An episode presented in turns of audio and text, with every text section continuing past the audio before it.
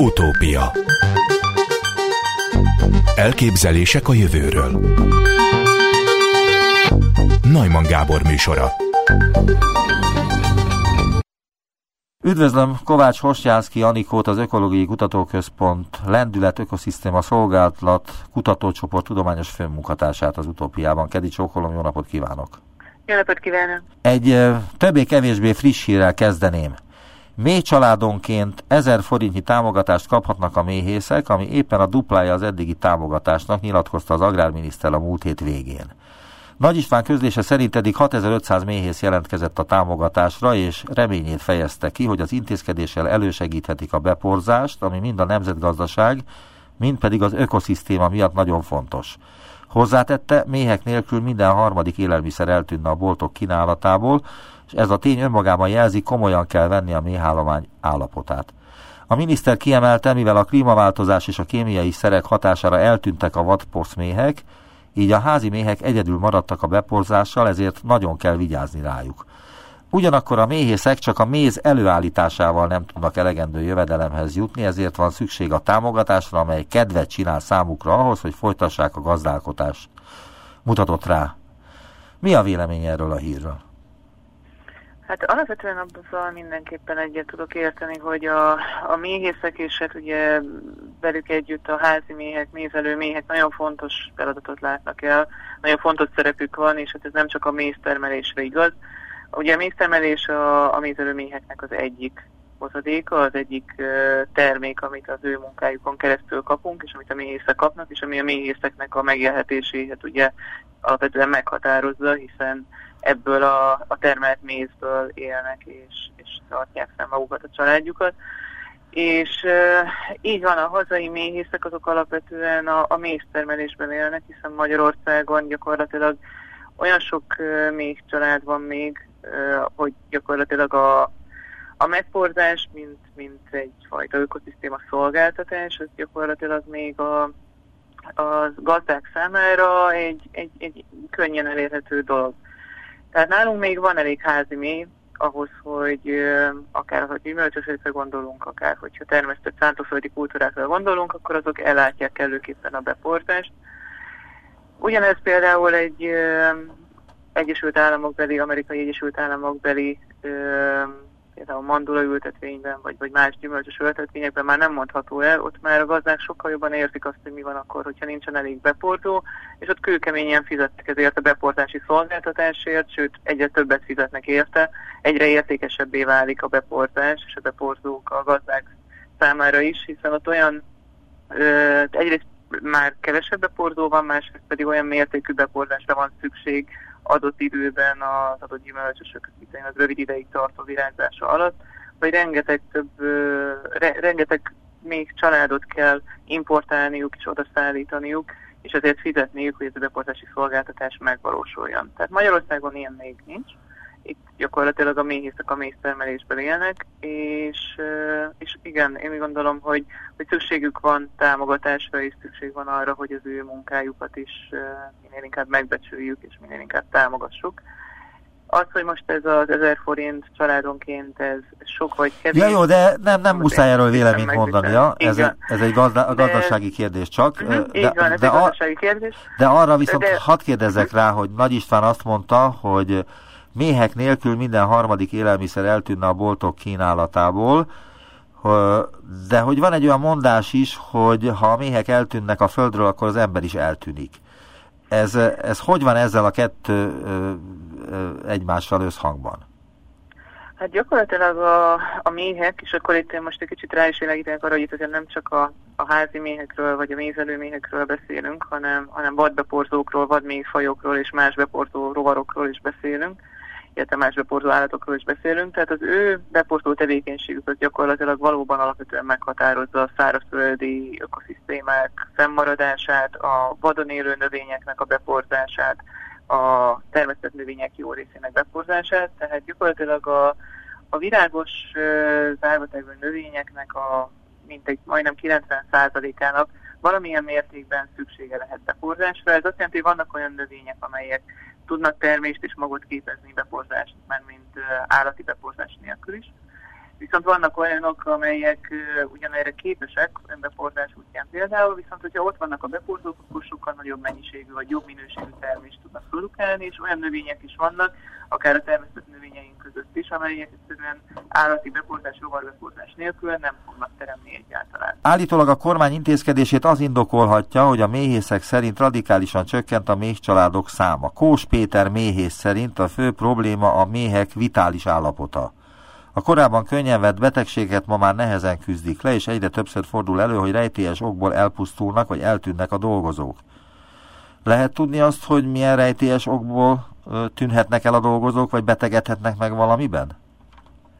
Hát a méhek állapotát, tehát méhek egészségi állapotát ezt alapvetően nagyon sok tényező meghatározhatja. Vannak olyan betegségek, olyan, olyan kórokozók, vagy olyan, olyan paraziták, amelyek ezeket a méh családokat megtámadhatják. A méhészeknek gyakorlatilag a túlnyomó többsége ma már küzd a, a varroatka fertőzéssel, amely ellen igyekeznek aktívan fellépni és ezeket az atkákat visszaszorítani illetve ezek azok az atkák, amik például más vírusokat, más megbetegedéseket is hordozhatnak és terjesztetnek a mély családokon belül, tehát a betegségek az egy olyan, olyan tényező, amely, amelyeknek a mély családok, a házi mély családok ki vannak téve. Ezen kívül pedig gyakorlatilag azok a, azok a környezeti hatások, amelyekkel találkoznak, szintén nagyban hozzájárulhatnak az életükhöz, illetve a, az egészségi állapotukhoz. Tehát akár, hogyha a mezőgazdasági művelésre, vegyszerezésre gondolunk, hogy akár a mélegelőknek az állapotára, tehát azoknak a növényeknek a mennyiségére, minőségére, amelyeket ők a táplálékkeresés közben keresnek és találnak, vagy nem találnak, ezek mind olyan tényezők, amelyek nagyban befolyásolhatják azt, hogy ők most tehát a, a még családok milyen egészségnek, illetve milyen, milyen, milyen fiasítást tudnak produkálni. Említett egy szót, hogy mélegelő, az mit jelent? az nem egy virágokkal teri kert, vagy egy mező, vagy mi az a méhlegelő? Például igen, tehát azt is jelenti, így van. Tehát gyakorlatilag a méhlegelők alatt értjük azokat a növényeket, amelyekre a, a méhek járdanak, amelyekre a méhek hordanak hogyha, hogyha a mézelőményeknél lévő kifejezést akarom használni. Tehát ezek azok a növények, amelyekről ők virágport, nektárt gyűjtenek. Most akár, hogyha a mézelőményekről, akár, hogyha a vad beporzókról beszélünk, ezekre a mélegelőkre szükség van ugye ahhoz, hogy az utódaiknak, illetve saját maguknak is táplálékot tudjanak gyűjteni. Ezek lehetnek természetesen növénykultúrák is, tehát mélegelőnek nevezhetjük akár a, a vetett repce vagy napraforgó táblákat, vagy akár a gyümölcsösöket is, de ide értjük azokatnak a vadnövényeknek a közösségét is, amelyekre nagyon nagy szükség van a, akár a mézelőméhek, akár a vadbekordó közösségek esetében, mint táplálékforrásra. És mire való a Méhecske Hotel, mert ilyen is van. Ezt legalábbis olvastam a méhekkel kapcsolatban. Így van. A, a méhhotelek, vagy hívják akár darázsgarázsnak is, mind a két név ismeretes, ez gyakorlatilag ugyanazt a, azt az eszközt jelenti. Ez gyakorlatilag a, a méhek fészkelésére ö, kialakított eszköz. Itt ebben főleg olyan méhek tudnak fészkelni, itt a vadbeporzó fajok közül, a vadméh fajok közül, amelyek úgymond üregekben fészkelő fajok, és gyakorlatilag ezek olyan ö, üregeket keresnek, amelyek akár növényi szárakban, akár ö, falak repedésében találhatók. Hogyha ilyeneket biztosítunk számukra például összekötözött nátszálakkal, vagy egy farönkkel, amelyben mondjuk különböző méretű lyukakat fúrunk, akkor ezek, gyakor- ezek a mesterségesen létrehozott fészkelő helyek, fészkelő telepek kiválóan alkalmasak lehetnek arra, hogy akár a saját kertünkben vagy erkélyükben ezeket kihelyezve, ezek az üregekben fészkelő fajoknak fészkelő helyet biztosítjuk. Igen, de ki az, aki a saját kertjében vadméheket akar tenyészteni? Hát remélem minél többen. Alapvetően az emberek mostanában már egyre inkább kezdenek nyitottak lenni az, a, a beporzókkal kapcsolatban, és én azt tapasztalom, és, és ennek nagyon örülök, hogy az emberek egyre jobban szeretnének valamit tenni a beporzók védelméért. És ez egy fontos dolog megérteni, hogy, hogy nagyon sok múlik azon is, hogy, hogy mi magunk emberek mit tudunk tenni ebben a kérdésben, tehát nem feltétlenül kell, hogy ez mindig egy központi döntés keretében valósuljon, vagy oldódjon meg minden probléma, hogyha például most itt a, a beporzók védelméről beszélünk, az emberek otthon a saját kertjükben vagy erkélyükben is nagyon sokat tudnak tenni ezért. És ez nem veszélyes a számukra? Tehát, hogyha nem, da... nem, nem. a igen, vadméhek azok a darazsakkal egy, egyenlőek? Nem, a vadméhek gyakorlatilag azok vadon élő mélyfajok, tehát ugye ismerjük a, a mézelő méhet, vagy más a házi méhet, a nyugati házi méh, amelyet gyakorlatilag nálunk is ugye kaptárokban tartanak, az egy beporzó fajosok közül. De számtalan vadon élő rokona van, amelyeket az ember nem háziasított, és, és amelyek ö, nem feltétlenül ekkora családokban élnek. Nagyon sok, ház, nagyon sok ö, vadméhfaj van, amelyek, amelyek úgynevezett magányos vadméhfajok, és ezek például így ö, maguk építenek fészkeket, és maguk nevelik az utódaikat egy, egy természetes környezetben. Tehát itt gyakorlatilag a vad az nem azt jelenti, hogy, hogy veszélyes, hanem annyit jelent, hogy, hogy az embertől függetlenül él kint a természetben, illetve akár a saját kertünkben. De ezek alapvetően abszolút nem ö, veszélyes rovaroknak számítanak, tehát ezek nem támadnak, nem, nem támadják meg az embert, akkor sem, hogyha megközelítjük ezeket a mélyhoteleket, sőt meg lehet figyelni, hogy kibe járnak és, és hordják a fészekanyagot vagy a táplálékot ezeknek a fészkeknek az építése során. de, hon, akkor de honnan tudom, meg... elnézést, honnan tudom én, akinek van egy erkély, és mondjuk egy ilyen még hotelt építek oda, hogy egy vadméh telepedett meg ebben, vagy egy darázs, amelyik esetleg veszélyes a családomra? Megtelepedhetnek benne darazsak is, de ezek a darazsak sem azok a darazsak, amelyeket az ember mondjuk a padlásán ismer például, tehát ezek is úgynevezett magányos darazsak, amelyek nem az emberre vadásznak, és tehát nem az emberre mm, veszélyesek, hanem ezek például fontos szerepet játszhatnak abban, hogy például hernyókat, vagy más olyan rovarlárvákat, vagy vannak, amelyek például pókokat gyűjtenek össze, amelyel gyakorlatilag nagyon fontos ökoszisztéma szerepet, ökoszisztéma szolgáltató szerepet tudnak ellátni, de ezektől a darazsaktól sem kell félnünk. Ezek a rovarok, amelyek például ezekben a mélyhotelekben fészkelnek, egyedül akkor szólnának meg minket, hogyha például a kezünkbe vennénk, és vagy az öklünkbe is, és össze, összeszorítanánk őket a tenyerünkben. Védekező jelleggel akkor esetleg megszúrnának, de egyáltalán nem mutatnak olyan típusú támadó viselkedést, mint a szociális darazsak vagy a szociális házi méhek, amelyeknek, hogyha megközelítjük a fészkét, akkor valóban azok támadhatnak és védhetik a fészküket, ez ezekre a magányos darazsakra, amik a méhoteleben fészkelnek, vagy magányos méhekre egyáltalán nem jellemző viselkedés. Tehát akkor ön azt mondja, hogy akinek van olyan erkéje, ahol láthatólag sok méhecske repked, legalábbis a környéken, uh-huh. akkor a legjobban teszi, ha épít egy ilyen méhhotelt az erkély szélére, fából lukakat kell belefúrni, aztán más teendő nincsen, és oda fognak költözni, és nem fogják bántani sem őt, sem a családját. Így van. Én például a 9. kerületben lakom, és a, a mi erkélyünkön a 4. emeleten először vettem észre egy, egy kis, volt egy kis lyuk, valaminek régen furva, és abban azt vettem észre, hogy csak hogy egy, egy fali még jár, és, és ott már építkezik, és aztán amikor megjelent egy kis sárdugó ennek a, a lyuknak a, a végében, az gyakorlatilag azt jelezte, hogy ez a fészek kész van, és ezt követően akkor én is kihelyeztem egy ilyen kis mélyhotelt, és, és abban is lett fészkelés, jelent meg ott is mély, mély, amely ezeket a, ezeket a nátszálakkal ezeket a nátszálakat, amelyeket például kihelyeztem egy, egy csőben, előszeretettel látogatta, és, és néhány fészekel is készült, még, még a belvárosban is. De ebből De még méz nincsen, ugye? Nem, tehát mézet, mézet gyakorlatilag azt a mézelő mézek, méhek, tehát ö, ezek a nyugati házi méhek készítenek, és, és a vadméhekre nem jellemző ez a mézkészítés. Vannak olyan szociális vadméhfajok, ezeket azért az emberek többsége is ismeri a poszméheket, ők még azért egy kicsit az ismertebb csoport közé tartoznak.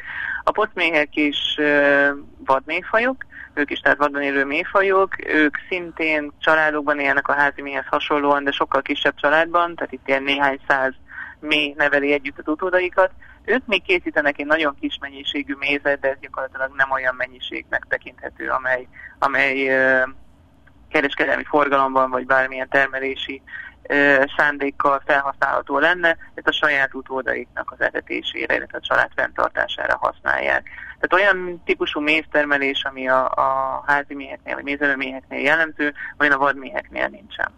Mondta, hogy 90%-át legalább a növényeknek a méhecskék vagy a véghez kapcsolódó különböző vadméhek, meg különböző alfajai végzik el, de mi lenne, hogyha senki nem végezné el, akkor azt hogyan lehet pótolni, vagy hogyan tudja az ember beporozni azokat a gyümölcsösöket, vagy egyéb növényeket, amelyeket nem poroz be más?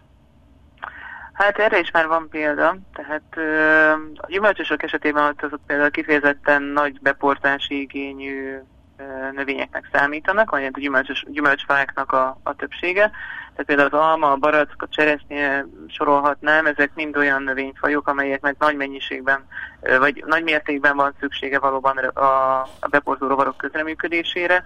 Hogyha ezeket elvesztjük, mint ahogy történt például Kína Szecsuán tartományában, akkor gyakorlatilag két lehetőség van, vagy az ember kiváltja ezeket a gyümölcsfákat olyan szélbeportású fákkal, vagy olyan növényekkel, amelyeknek nincsen szüksége állati beporzásra, vagy, és, és abból próbálja akkor azt a gazdasági termelést ellátni, amit, amit korábban a, a rovarbeporzás gyümölcsfákból, vagy pedig marad a kézi beporzás, ami, ami gyakorlatilag most már 10-20 éve egy, egy létező gyakorlat ebben a kínai szecsuáni tartományban, ahol, ahol gyakorlatilag az emberek látják el a beporzás feladatát, és, és viszik a virágport fáról fára, virágról virágra, kis tégelyekben, kis ecsettel, és borozzák be az emberek kézzel. De miért mi történt Szecsuánban, hogy elpusztultak a méhek?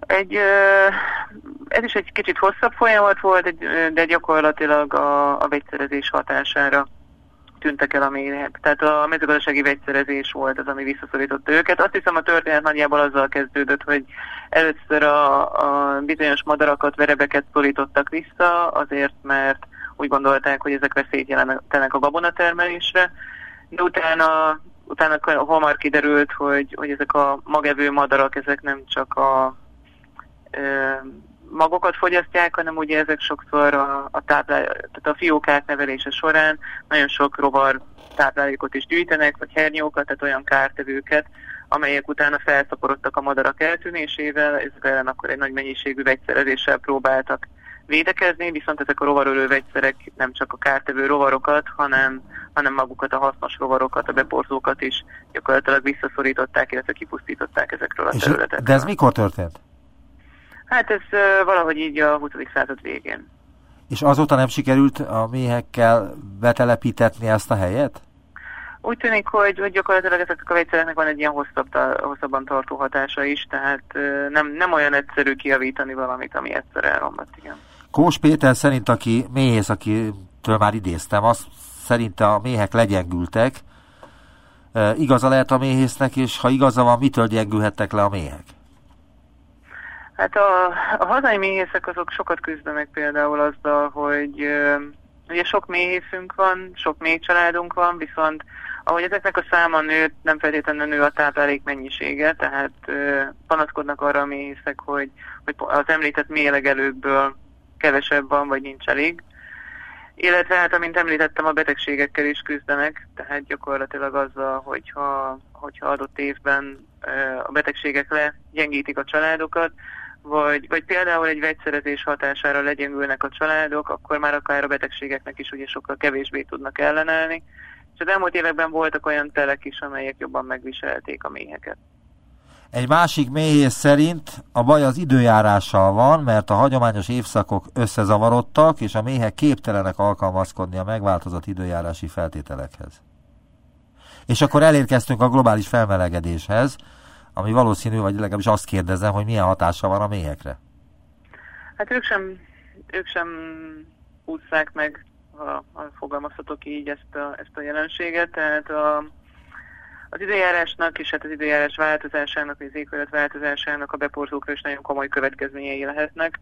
Ez akár érintheti a, a mézelőméheket is, és a méh családokat is, hiszen azzal, hogyha hogyha egy tél például nem olyan, mint amilyennek lennie kell, vagy akár a tavasz másképp indul, egészen másképp reagálnak a méh családok is. De a vadbeporzók ugyanígy, tehát a vadbeporzók esetében is sajnos olyan predikciók vannak, hogy például a poszméhek, mint, mint vadméhfaj csoport lehetnek a, az egyik leg, legnagyobb vesztesei ennek az éghajlatváltozásnak. Ők lehetnek a legkitettebbek például részben a beporzók közül az éghajlatváltozásának. És vannak olyan predikciók, amelyek azt ö, jelzik előre, hogy úgy nagyjából 2050-ig az Európában lévő poszmélyfajoknak úgy kb. 30%-a az ö, nagyon nagy területeket fog elveszteni a mostani elterjedési területekben, de nagyon nagy területükről fognak visszaszorulni, és a további 40%-a ezeknek a poszt, európai posztmélyfajoknak szintén az elterjedési területeknek akár a felét elveszthetik, és egyes országokban, főleg mediterrán országokban előfordulhat, hogy, hogy nagyon kevés faj lesz az, ami egyáltalán alkalmazkodni tud az új körülményekhez, és, és ami ott akkor meg tud maradni. És ez azért is nagy probléma, mert hogy ezek a posztmélyek nagyon kulcsfontosságú beporzók is egyben, tehát gyakorlatilag úgy tűnik, hogy a, a, az éghajlat változásával ők például kifejezetten rosszul járnak, és ez nem csak a mediterrán területeket érintheti, tehát az éghajlatváltozás már a most zajló klimatikus körülmények változásának is vannak olyan jelei a sarki területekről, vagy a tajga területekről, tehát az északabbi területekről, amelyek azt mutatják, hogy már most nagyon változik és, és csökken ott is a beporzók száma, tehát egy komoly zavart okozhat a beporzók elterjedésében mindenképp. És mennyiben igaz az, amit a méhészek is mondanak egyébként, hogy az import, igen, az import méz, ami Kínából érkezik, az nagyon rossz minőségű, és ráadásul tetten érhető bennük a, antibiotikum kezelés. Nem tudom, hogy mire használják az antibiotikumot a méhecskéknél, de ön bizonyára tudja. Hát ez a, a Kínából érkező méhekkel kapcsolatban az a, az egyik nagy probléma, hogy sok esetben ezek nem is, nem is igazán mézek, tehát nem abban az értelemben mézek, ahogy, amit egy méztől elvárunk, tehát nagyon sok köztük a szintetikus módon, tehát kémiai módon laborban előállított méz, ami, ami hasonlít a mézre, de ugye összetevőiben vagy minőségében nem azt a, nem azt a mézet adja, tehát gyakorlatilag nem, nem is nevezném méznek, mint amit mondjuk az emberek elvárnak a méztől. Tehát az ilyen szintetikus mézekből, mézekkel kezd felhigulni a piac, és ez komoly problémát jelent, hiszen egyrészt nagyon le tudja szorítani a mézárakat, másrészt egy minőségileg rosszabb minőségű terméket ad, és uh, nagy mennyiségben előállítható, ezzel viszont, hogyha ez betör a piacra, akkor le tudja nyomni azt a mézárat, és olyan konkurenciát tud teremteni, amely a, az itteni termelőket is jelentős mértékben rosszul érinti, hiszen nem tudják eladni, vagy nem tudják olyan áron eladni, értékesíteni az általuk megtermelt mézt, mint ahogy az, az megérdemelné a minőségéből fakadóan. Úgyhogy most a méhészek próbálnak... Igen, de az antibiotikum az mit keres itt e, e, ennél a dolognál? Tehát milyen módon gyógyítják, vagy nem tudom, kezelik antibiotikummal a kínai méhecskéket? Hát ezt nem tudom pontosan, tehát én ebbe a kínai méhészeti mély egészségügyi kérdésekbe kevésbé látok bele, de, de úgy gondolom, hogy, hogy ez egy másik erőgő probléma lehet, tehát az egyik gond lehet akkor ez a szintetikus méz, a másik gond lehet az, hogyha nem olyan módon kezelik a méheket ott olyan szerekkel a, a különböző kórokozókkal vagy betegségekkel szemben, ami utána a mézre ne lenne kihatással, akkor az ugye, hogyha bekerül a mézbe, akkor ez bekerülhet a, szervezet, a mi szervezetünkbe és fogyasztók szervezetébe is, és az problémákhoz vezethet. Ebben a kérdésben kevésbé vagyok benne, úgyhogy ezt most így pontosan nem tudnám megmondani, hogy milyen használnak. Végül azt kérdezném, hogy kell-e valamit nekünk tennünk magyaroknak, hogy a méhecskénk, a magyar méhecskénk jól érezzék magukat nálunk, és ne repüljenek el máshová, vagy ne dobják fel a kis tappancsaikat? Hát igen, tehát máshova nehezen tudnak menni, tehát itt ugye arról van szó, hogy mindenkinek helyben kell azért megóvni a saját beporzó közösségeit. Én úgy gondolom, hogy amit az egyik dolog, amit említettünk, hogy az emberek maguk is otthon, hogyha a saját, mindenki a saját területén, a saját kertjében például megpróbál olyan növényeket ültetni, amelyek tavasztól őszig tudnak nyújtani virágforrás, táplálékot, különböző virágokat a beporzók számára, illetve fészkelőhelyeket biztosítani, akár az említett méhotelek által, akár, akár szabadon hagyott uh, talajfelszín által, aminél akkor a, a talajban fészkelő be, vagy beporzó fajok megtalálják a számukra szükséges fészkelőhelyet, ezzel már sokat tehetünk, de, de természetesen mondjuk a mezőgazdasági területeknek a művelésén, illetve úgy általában a, a különböző természetközeli élőhelyeknek a megóvásán is rengeteg múlik, tehát egyrészt ezek a természetközeli élőhelyek, területek, ligetes területek, amelyekben, amelyekben a beporzók megfelelő mennyiségű táplálékot és fészkelőhelyet tudnak találni. Ezek nagyon fontos szerepet játszanak a divers, változatos vadbeporzó közösségek megóvásában, viszont a művelt területeken is rengeteg múlik, hiszen ezeket a területeket látogatják a beporzók, amikor ezeken a területeken lévő növények beporzásához hozzájárulnak, de nagyon fontos az, hogy ezeken a művelt területeken a, a kezelés, a mezőgazdasági kezelés olyan legyen, amely tekintettel van a beportókra is, és nem csak azzal, hogy, hogy mondjuk olyan szereket használunk, amik, amik nem ölik meg őket, ez a minimum, viszont azzal is, hogy, hogy ezeken a területekről sem lenne szabad visszaszorítani, tehát a mezőgazdasági tájból sem lenne szabad visszaszorítani minden másfajta növényt, vadvirágot, mert ezek azok a vadvirágok, amelyeken gyakorlatilag túl tudnak élni a beportó közösségek, és amelyek fent tudják tartani azokat az egészséges beportó közösségeket, amelyek akkor is ott, ott tudnak lenni, amikor a termesztett növénynek a beportásra szüksége van. Nagyon szépen köszönöm Kovács Hostjászki Anikó, az Ökológiai Kutatóközpont Lendület Ökoszisztéma Szolgáltató Kutatócsoport tudományos főmunkatársa volt az utópiában. Kedi csókolom, viszonthallásra! Nagyon szépen köszönöm, viszonthallásra! Utópia Üdvözlöm Boldogkői Zsoltot, a Szegedi Tudományegyetem Orvosi Biológiai Intézetének igazgatóját, szervusz! Szervusz, üdvözlöm a klubrádió hallgatóit!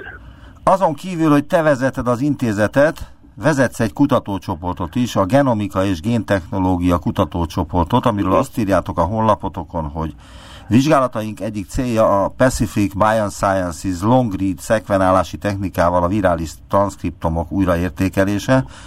A másik célunk, hogy egy általunk javasolt elképzelés az úgynevezett transzkripciós interferencia hálózatok létének igazolása. Uh-huh. El lehet-e magyarázni laikusoknak, hogy miről van szó a transzkripciós interferencia hálózatok létének igazolásával? Igen, el lehet, el lehet uh, magyarázni. Tehát ezt is azt mondanám el, hogy tehát többféle ilyen projektünk is fut. Uh, némelyikük az emberi úgynevezett komplex betegségekkel kapcsolatos, például öngyilkosság, depresszió, ilyen populációgenetikai vizsgálatok is. A fő fókuszunk azonban valóban, amit említettél, a vírusoknak a vizsgálata. Tehát itt lényegében arról van szó, hogy van egy ilyen elképzelésünk, hogy van egy új fajta ilyen genetikai szabályozási szint, ami nem csupán a vírusoknál van, hanem lényegében minden létező élőlénynél, de a vírusok azok egy ideális modell ahhoz, hogy ezt a, a transzkripciós interferencia hálózatokat tudjuk vizsgálni, mert, mert nagyon kompakt a a genomjuk, a DNS-ük, nagyon gyors a replikációs ciklusuk, és tudjuk könnyen őket manipulálni géntechnológiai módszerekkel. Most maga az, hogy, hogy miről van szó. Tehát nagyon ö, egyszerűen úgy tudom elmagyarázni, hogy az az új transzkripciós ö, szint, ez lényegében ez azon alapul, hogy a szomszédos, vagy a nem túl távoli gének egymásra hatnak azáltal, hogy működnek. Tehát, hogyha van egy kiválasztunk egy gént, ami éppen nagyon aktív, akkor a szomszédjaira ő egy ö, represszív, egy gátló hatással van, és utána majd versa is amiket meg fog fordulni. Tehát lényegében arról van szó, ugye, hogy vannak a gének, azok ilyen RNS molekulákat produkálnak, és ezeknek egy jelentős része meg fehérjéket. Most itt az RNS képzésnek a, a mechanizmusáról van szó. Normálisan hogy elindul egy génről a RNS átírása, és akkor megáll a gén határon.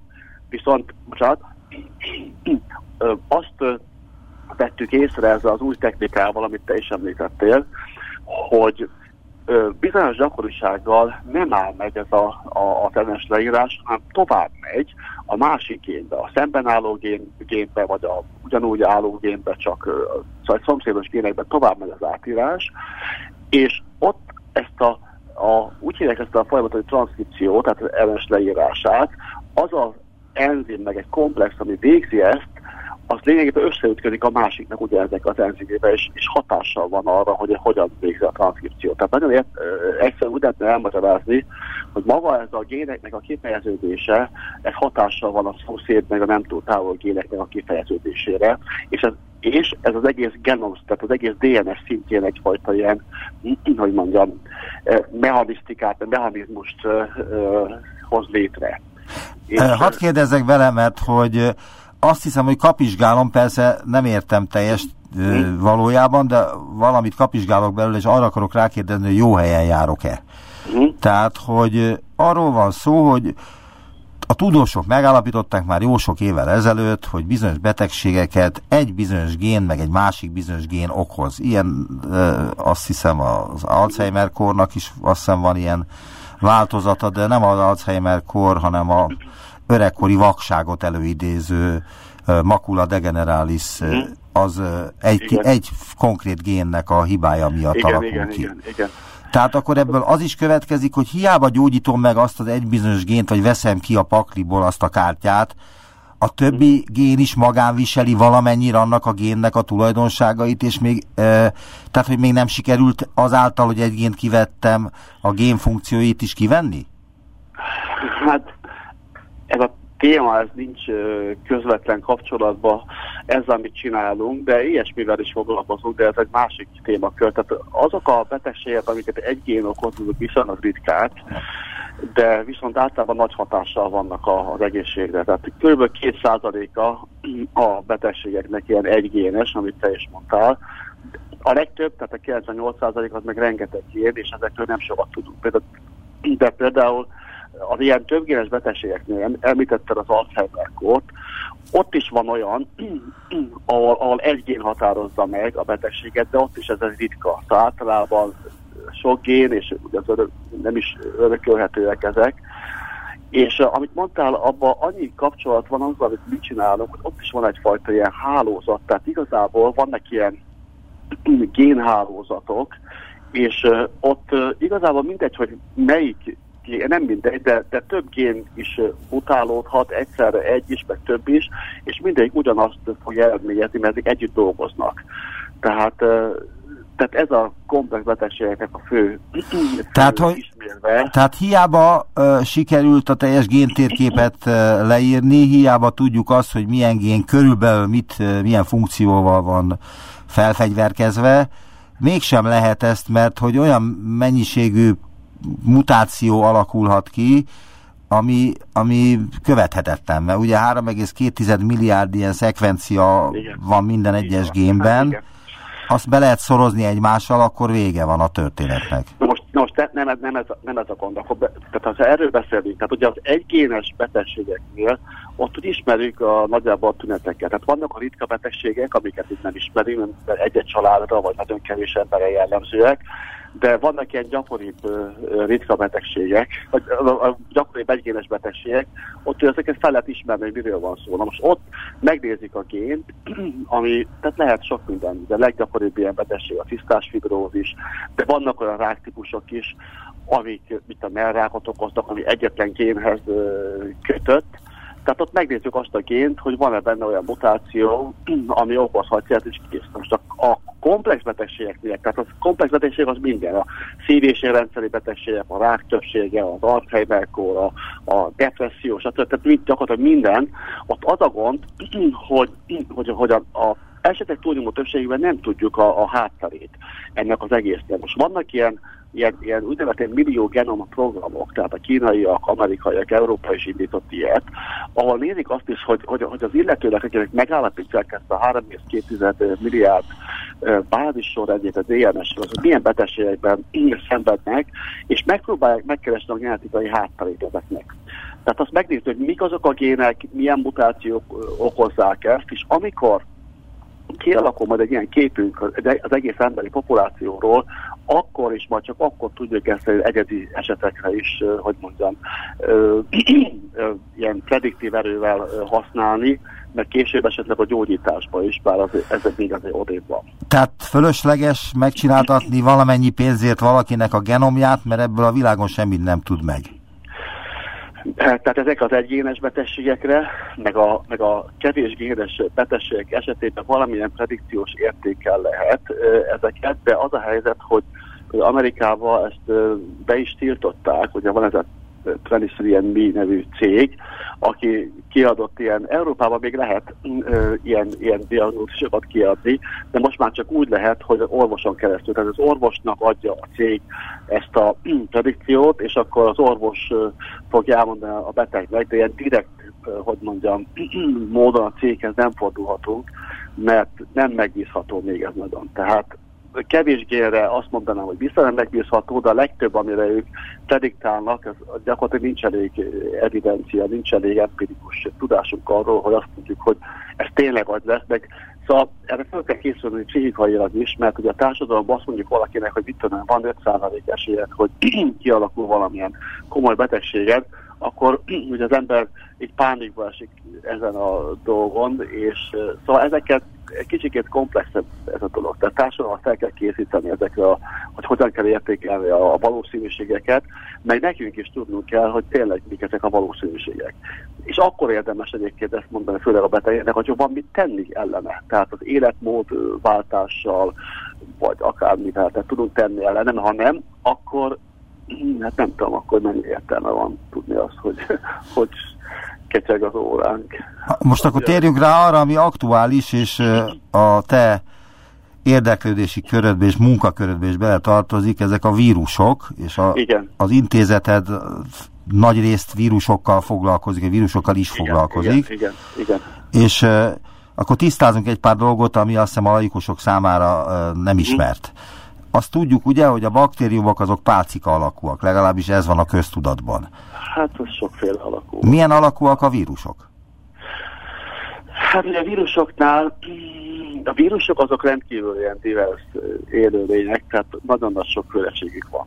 Például a sejtes élőlények, ideértve a baktériumokat, meg minden mást, azoknak csak kettős szálú DNS lehet a, a, az alapítő anyaga. A vírusoknál mindenféle variáció van, tehát lehet nekik RNS, egy szálú, dupla szálú, ugyanaz a DNS-re is igaz, tehát óriási a variáció. Ami az alapot illeti, ott is gyakorlatilag két fajta vírus tudom meg elkülöníteni. Egyiknek van ilyen burka, amit általában a gazdaság valami membrányából hoz, a másik meg ilyen csupasz nincs burka, és ott is rendkívül sokfajta, ilyen, van, vannak ilyen gömbszerű alakúak, hát ilyen csúnya szóval úgy hívják, hogy egy ikoza éder típusú vírus sok van, ami azt jelenti, hogy 20 darab ilyen egyenlő oldalú háromszögből épül fel, mert pont ez, hogy mondjam, passzol úgy egymáshoz, hogy egy ilyen gömbszerű struktúrában nem lesz luk a víruson. De vannak ilyen, ilyen pálcika, hosszú alakúak, ilyen amor, minden, szóval mindenféle vírusok, mindent produkálnak, amit csak lehet. És milyen felépítésűek? Mennyivel bonyolultabbak, mint a baktériumok? Egyszerűbbek. Sokkal egyszerűbbek. Érdekes módon a baktériumoknak a vírusai, amiket ilyen baktériofágoknak nevezünk, azok bonyolultabbak, mint a bonyolultabb sejteknek a, a vírusai általában. Szóval rengeteg RNS vírus van, ami egy-két génből áll, és valami csodákat tud tenni, valami az ember elgondolkodik, hogy hogy, hogy tehát hogy, hogy, hogy, hogy tud ilyen komplex dolgokat tenni. Tehát az immunrendszert ugye le kell nekik blokkolni, aminek rengeteg, hogy mondjam, félesége van, meg kell gátolni, hogy a sejt öngyilkosságot kövessen el, a sejteknél ugye ez a stratégia, hogy megölik magukat, és akkor a vírusnak élősejt kell, tehát hogyha egy halott sejtben mennek, akkor nem tudnak utána szaporodni. Meg egy csomó dolog, hogy például, mint, hogy elképzeljük mondjuk a, a, a veszettségvírus. Tehát ez egy apró kis vírus. Tehát van neki három génje, és azt csinálja például egy rókával, hogy megfertőzi, és az eredendően mondjuk ilyen nagyon félénk rókát barátságossá teszi, tehát oda megy egy emberhez, egy kutyához, vagy egy másik állathoz, és abban a pillanatban megváltoztatja a viselkedését, és agresszívá teszi, és harapásra készíteti, és még arra is gondoskodik a vírus, hogy közben erős nyelvtermelése legyen, három génnel a háttérben. Szóval mi többentes dolgokat tudnak ezek a kis és hogy, hogy, hogy, hogy ilyen okosak ezek a vírusok? Honnan, honnan tudják ezeket a dolgokat? Hát a világon, nem tudom, 7,5 milliárd ember él, de valószínű több tízezer tudós foglalkozik most ezzel a koronavírussal, és ez a kis, kis vírus hogy tud túljárni ennyi rendkívül okos tudós eszén? Most a koronavírus az egy elemes vírus, viszont, viszont egy nagy. Tehát azt mondanám, hogy a legnagyobb, a legnagyobb törpe. az elemes vírusok általában kicsik, de ez a legnagyobb kicsi. Nos, hogy hogy tud túljárni? Hát, tehát ugye ezeknek a vírusoknak viszonylag sok ideig volt arra, hogy, hogy kialakítsanak valami stratégiákat. Van stratégiájuk a vírusoknak? Van, hogyne, abszolút. Tehát tele vannak különféle stratégiai elemekkel, azt mondanám, különféle ilyen programokkal, és tehát ugye itt, tehát itt a következő van egyébként a koronavírusról ebből a szempontból, amikor egy vírus átugrik egy egyik gazdáról a másikra, tehát egy állatról átugrik a, egy emberre, akkor ugye nem alkalmazkodni a gazdához. És általában ilyenkor nagyon ilyen virulens szokott tenni. De sok uh, halált, meg súlyos szövődményeket okoz, viszont a vírusnak alapvetően nem érdeke az, hogy hogy, meg, hogy az emberbe súlyos károkat okozzon, hogy azt szeretné, hogyha terjedne a vírus. Tehát, és hogy lehet ezt elérni? Úgyhogy nem okoz súlyos betegséget, csak köhögésre késztet. Megyünk az úton, a villamoson, és rákövünk a másikra. Ugye, mert hogyha ott lennénk a beteg ágyba, akkor nem tudnánk továbbadni, és ugye akkor, akkor az nem lenne jó. Például az olyan, olyan kórokozót, mint a malária, azok nem érdekes, hogy, hogy, hogy súlyos betegséget okoz, mert ott van a, a szúnyog, és akkor az viszi tovább. De a, az influenza-szerű légúton terjedő vírusoknál, mint például a koronavírus, nem érdekel neki. Szóval itt lesz egy evolúció. De honnan tudja, hogy mi az érdeke? Ez hol, hol jelenik meg a vírusban? Vagy a sok vírusnál ez egyértelművé válik egy hálózatban? Tehát, hogy megszemésítettem a dolgokat, mint hogyha lenne valami célja a vírusnak. Nincsen. Hanem képzeljünk el két szélsőséges esetet. Van egy olyan vírus, ami nagyon súlyos betegséget okoz, ezért a páciens az ágynak esik, és mondjuk esetleg meghal. Na azok a vírusok, amik ebben a páciensben voltak, ugye ez egy zsákutca számukra, mert nem tudtak továbbadódni. Viszont a, ott, ahol nem okoz súlyos betegséget, ott viszont so, tovább vagy a sok másik embernél. Most ez egy hipotetikus példa volt, mert a koronavírusnak pont van egy, már, már neki van már egy ilyen stratégia, és emiatt egy kicsit én veszélyesnek is tartom, a veszélyesebbnek, mint egy más típusú vírus, hogy akkor uh, képes uh, már átkerülni egyik emberről a másikra, amikor még nem okoz tüneteket. És ez, ez egy nagy probléma, mert ugye a koronavírusoknál ugye volt az a SARS járvány 2003-ban, ott, ez is egy száz egyébként, most úgy hívják, hogy ez a kettes száz típus, hogy ott mindjárt megjelent hamar a tünet, és akkor volt fertőző, amikor, amikor már nagyon súlyos betegség volt, ezért ugye karantént is jobban tudtak alkalmazni, vagy a másik ember is észrevette, hogy beteg valakinek kölyök, és akkor nem közelített. Ennél még nincs ilyen, tehát ez, a, ez egy kicsit súly ez a vírus, és emiatt viszonylag nehéz, hogy meg alkalmazkodni hozzá. Hát nem tudom, meglátjuk, hogy, hogy mi lesz. Te láttad már ezt a vírust? Legalábbis a képét láttad már ennek a koronavírusnak, hogy hogy néz ki? Milyen felépítésű? Persze, hát láttam, hogy hogy néz ki ez a vírus. Ezzel speciál, speciál mi nem foglalkozunk, mi inkább a nagyobb réás vírusokkal foglalkozunk, de hát nyilván tudom, hogy hogy, hogy néz ki. Tehát És te félelmetesnek tartod a hatása miatt? Hát félelmetes. Veszélyesnek. Hát, Veszélyesebbnek, mint az influenza vírust. Persze, hát a, ugye a, a, halálozási arány az, az nagyságban. Tehát ugye egy, egy, egy, egy virulens uh, uh, influenza vírus ugye egy, egy ezerék, vagy nem tudom milyen halált okot, és elsősorban az immun problémákkal rendelkező kezelőgyeknél. Itt magasabb az arány, nem tudjuk még pontosan, ugye bejött a köztudatba ez a 2-3 százalékos halálozás, Viszont ugye ez akkor lehet igazán megállapítani, amikor már elmúlt a fertőzés, mert ugye Kínában jelenleg minden 80 ezer körüli a, a, a, a fertőzöttek száma, és már 2900 valahányan meghaltak, tehát már itt közel vagyunk a, a 4%-hoz, tehát, és, és ezek közül, akik, akik fertőzöttek, még több mint 7000 valami válságos állapotban vannak, tehát ezek közül sokan meghalnak. Tehát azt jelenti, hogy ez a két-három százalék valószínűleg módosulni fog. Módosulni fog, lehet, hogy 5 százalék felé is megy, de mondta, nem vagyok epidemiológus, tehát ez, ezt, nem tudom így jelenteni, de lehetséges, hogy ez van. Mások azt mondják, hogy kínaiak jobban vagy érzékenyebbek el a vírusra, erre sincs még evidencia. Tehát egy, nem ismerjük ezt a típusú vírust, nem ismerjük a fertőzést, a lefolyást se ismerjük, nem tudjuk, tudjuk még egy csomó dolgot.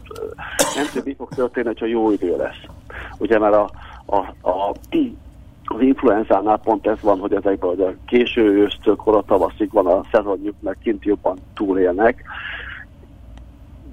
Kivéve ugye ezek az, a pandémiás vírusoknál, de ott is a fő túlélés az, hogy ugye amikor itt tél van, akkor Európában vannak, amikor meg a déli féltekén van, akkor átmennek, de azok a nyarat is valahogy jobban túlélik. Itt is most jönnek adatok, hogy, hogy, hogy, hogy akár 24 órában, még tovább is ilyen felületeken ezt meg tud élni ez a vírus. Tehát, tehát jobb a túlélése, mint a, a szervezeten kívül, mint az influenza vírusnak. Úgyhogy nem, nem, nem, nem, nem, nem tudni pontosan, hogy most a, a meleg idő az most fogja gátolni, vagy nem. Ez egy általános szabály, hogy a légúton terjedő vírusoknál annak a meleg nem jó, ugye, mert, mert ez egy ilyen sérülékeny szerkezetük van, hogy mennyire nem jó, ez, ez, ez ki fog majd derülni. Hát az ebola vírus az, az trópusokon éli a világát, és ott a melegtől nincs egy baj. Más, az más, az, az, az, az más típusú terjedése van neki. Itt is vannak meleg vidékeken, csak ugye az a kérdés, hogy, hogy, hogy ők behozták-e oda, mondjuk Kínából, vagy most már Olaszországból, vagy akárhonnan, vagy pedig ott adták el. Van, van olyan is, hogy már, már a helyszínen fertőzöttek el. Tehát igazából na mindegy, tehát én szerintem, szerintem a, a, a meleg idő ez le fogja csökkenteni a gyakoriságot de nyilván ott is, ha valaki fertőzött, akkor egy közvetlen kontakttal átadhatja, csak kint a, a, a szervezeten kívül a túlélés ideje a vírusnak valószínűleg sokkal rosszabb a melegben, mint a, mint a hideg időben. Általában rossz dolgokkal szoktuk kapcsolatba hozni a vírusokat, főleg betegségekkel, de van-e olyan vírus, amelyik hasznos tud lenni az ember számára? Hát amiket mi használunk, ugye modernként használjuk őket, hasznos információkat tudnak szolgálni. Jó, de ez egy másik dolog. Persze, egy másik dolog, igen. Hát nem, a vírusok azok úgy hívják őket csúnya szóval, hogy obligát paraziták, ami azt jelenti, hogy sejt nélkül nem tudnak megélni. Tehát szemben a, a batikkal például az embernek a, a, a, a baktérium flórájában rengeteg hasznos baktérium van. Ezt nem mondhatjuk el a vírusokról. De várjunk csak, de, de, de például a, a baktériumok, a vírusai, a baktériofágok, azok hasznosak lehetnek, mert a, a patogén baktériumokat mondjuk megölik. Hát ebből a szempontból rég igen, de mondjuk az emberi vírusoknál hogy haszonról azért nem, közvetlen haszonról nem beszélhetünk. És hogyan pusztulnak el, hogyha az ember nem avatkozik be, hanem a természet törvényei alapján? Hogyan hal meg egy vírus? Hát, hogyha kikerül a szervezetből, úgy pusztul el, hát ugye általában át, átadó. Hogyha, meg, hogyha elhal, meghal az ember, akkor benne is ugye elpusztulnak a vírusok. Szóval, hát itt a, itt a fertőzés lecsengéséről van szó, ugye, hogy mi történik. Tehát, hogy a vírus is alkalmazkodik az emberhez, legyengül például, vagy a időjárás változás, stb. Tehát minden járványnak van ilyen lecsengése, vannak újraéledő járványok, vannak, amik egy, egy szezonra érvényesek. Itt ez egy kérdés, hogy itt mi fog itt történni.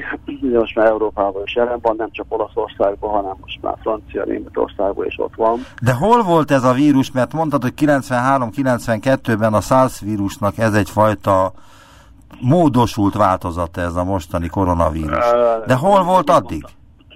Tehát, tehát 2003-ban volt a SARS, volt 2012-ben egy MERS nevű, ami közel védőt, az is ilyen koronavírus volt.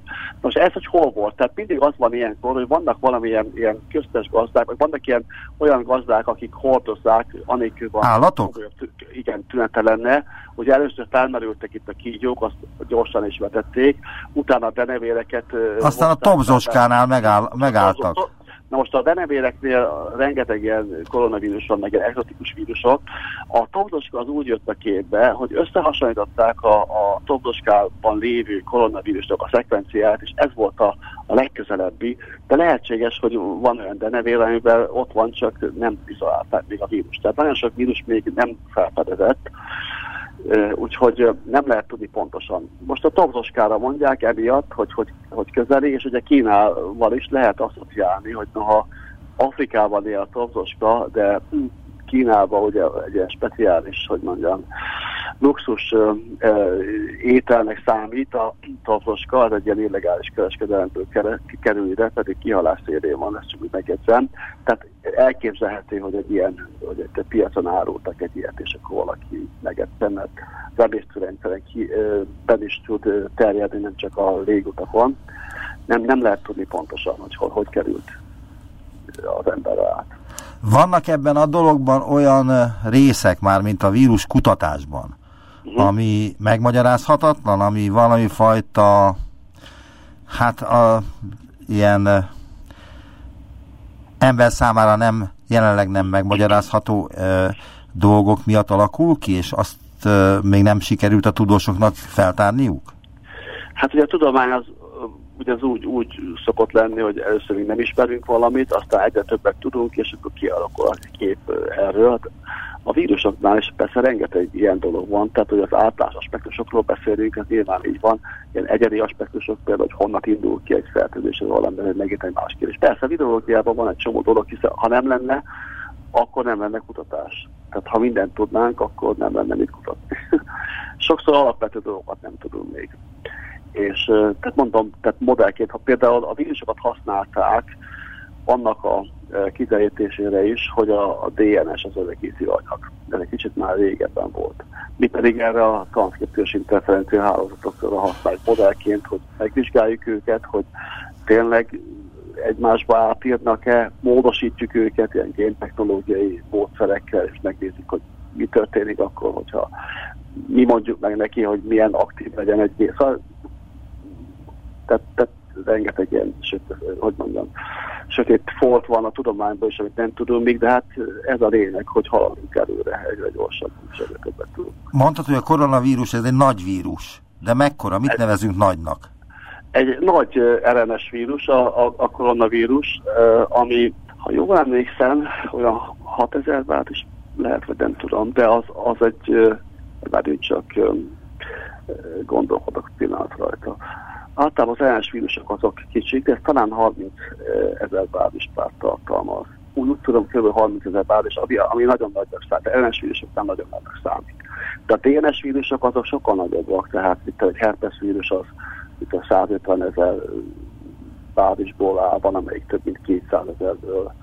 Egy Fox vírus például, ami a fekete himlő, hogy egy óriási járványokat okozott, az is 150 felett van. Tanulmányozhattad a fekete himlő vírusát? Nos, a fekete himlő vírusát nem tanulmányoztam, viszont azt a vírust, ami közeli rokona ennek, amit Jenner annak idején vakcinálásra használt, tehát ugye úgy szabadult meg a világ a, fekete himlőtől, a, himlő vírustól, hogy, hogy, hogy vakci, egy ilyen világméretű vakcinálás volt, és már 150 év alatt szabadultunk meg tőle. Az a vírus, ez a úgy hívják, hogy bakcínia vírus, amit használtunk, erről most küldtünk be egy publikációt. Ennek is megnéztük ezt a transzkriptom atlaszát, úgy nevezzük ezeket és hát érdekes ez is. Nagyon szépen köszönöm. Boldogkői Zsolt, a Szegedi Orvosi Egyetem Orvosi Biológiai Intézetének az igazgatója volt az utópiában. Köszönöm szépen az interjút, szervusz! Én, én köszönöm, én köszönöm szépen.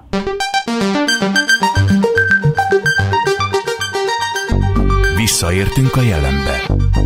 Neumann Gábor utópia című műsorát hallották.